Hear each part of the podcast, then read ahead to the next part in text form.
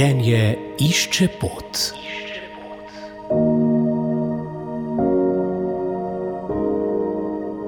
Dober dan. 19. decembra je sedem večjih verskih skupnosti v Sloveniji podpisalo skupno izjavo glede uvajanja samomora s pomočjo v slovensko zakonodajo.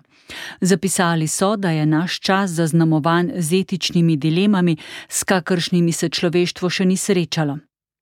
Ko se v Sloveniji soočamo s tem predlogom, prihaja na površje zaskrbljenost vsakega človeka o tem, ali bo lahko doživel miren konec svojega življenja.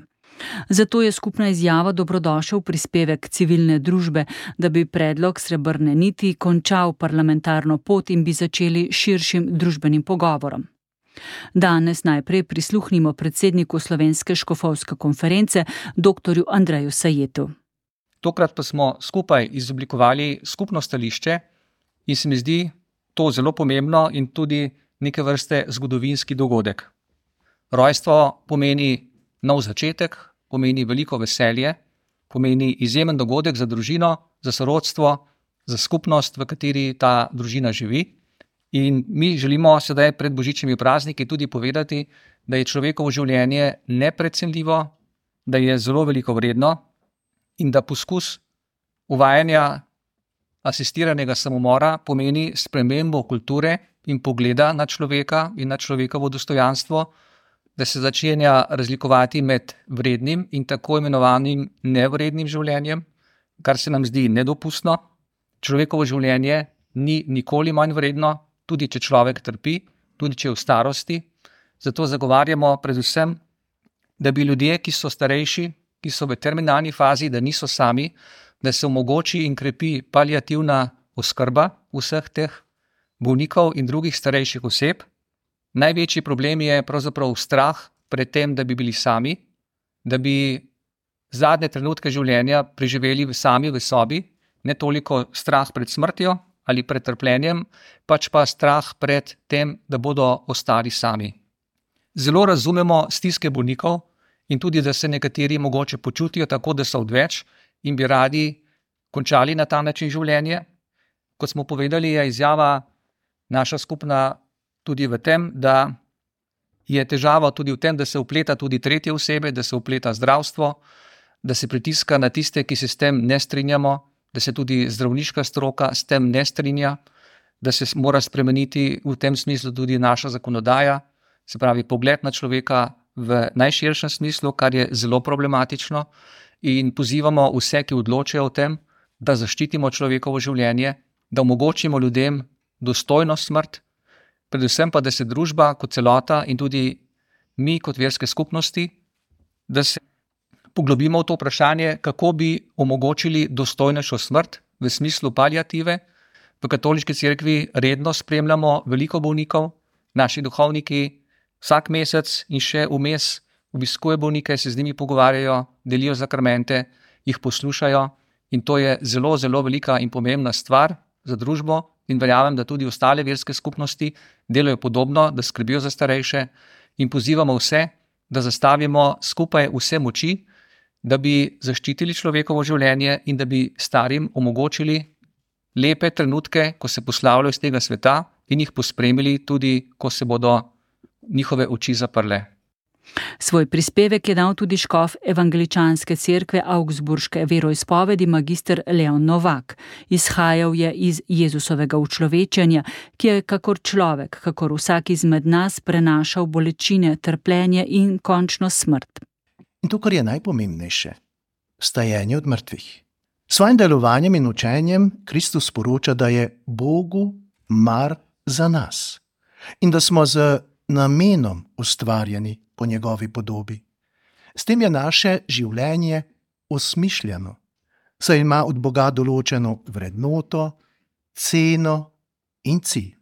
Se pa to naše zemljsko življenje sooča tudi z temnimi stranmi bivanja. No, kljub vsemu pa ima upanje in to lažbo. Tako je evangeličanski duhovnik Paul Gerhard nekoč zapisal: Ko moral bom nekoč oditi, od mene ne odidi ti ko moral bom umreti, k meni stopiti. Ko najtesneje pri srcu mi bo postalo, me reši vseh strahov. Kot evangeličanska crkva smo mnenja, da poleg paliativne skrbe namenjene lajšanju bolečin in trpljenja, rabimo tudi duhovno tolažbo in asistenco.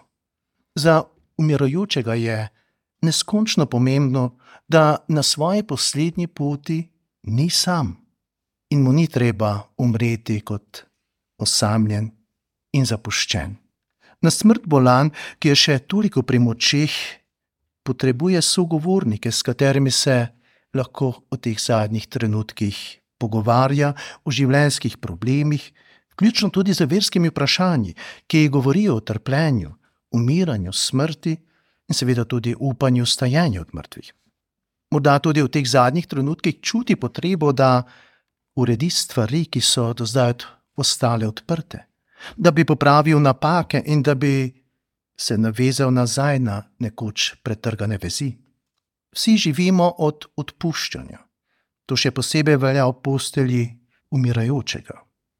In kot v svetu pismu beremo, Bog je večji od našega srca in ve vse.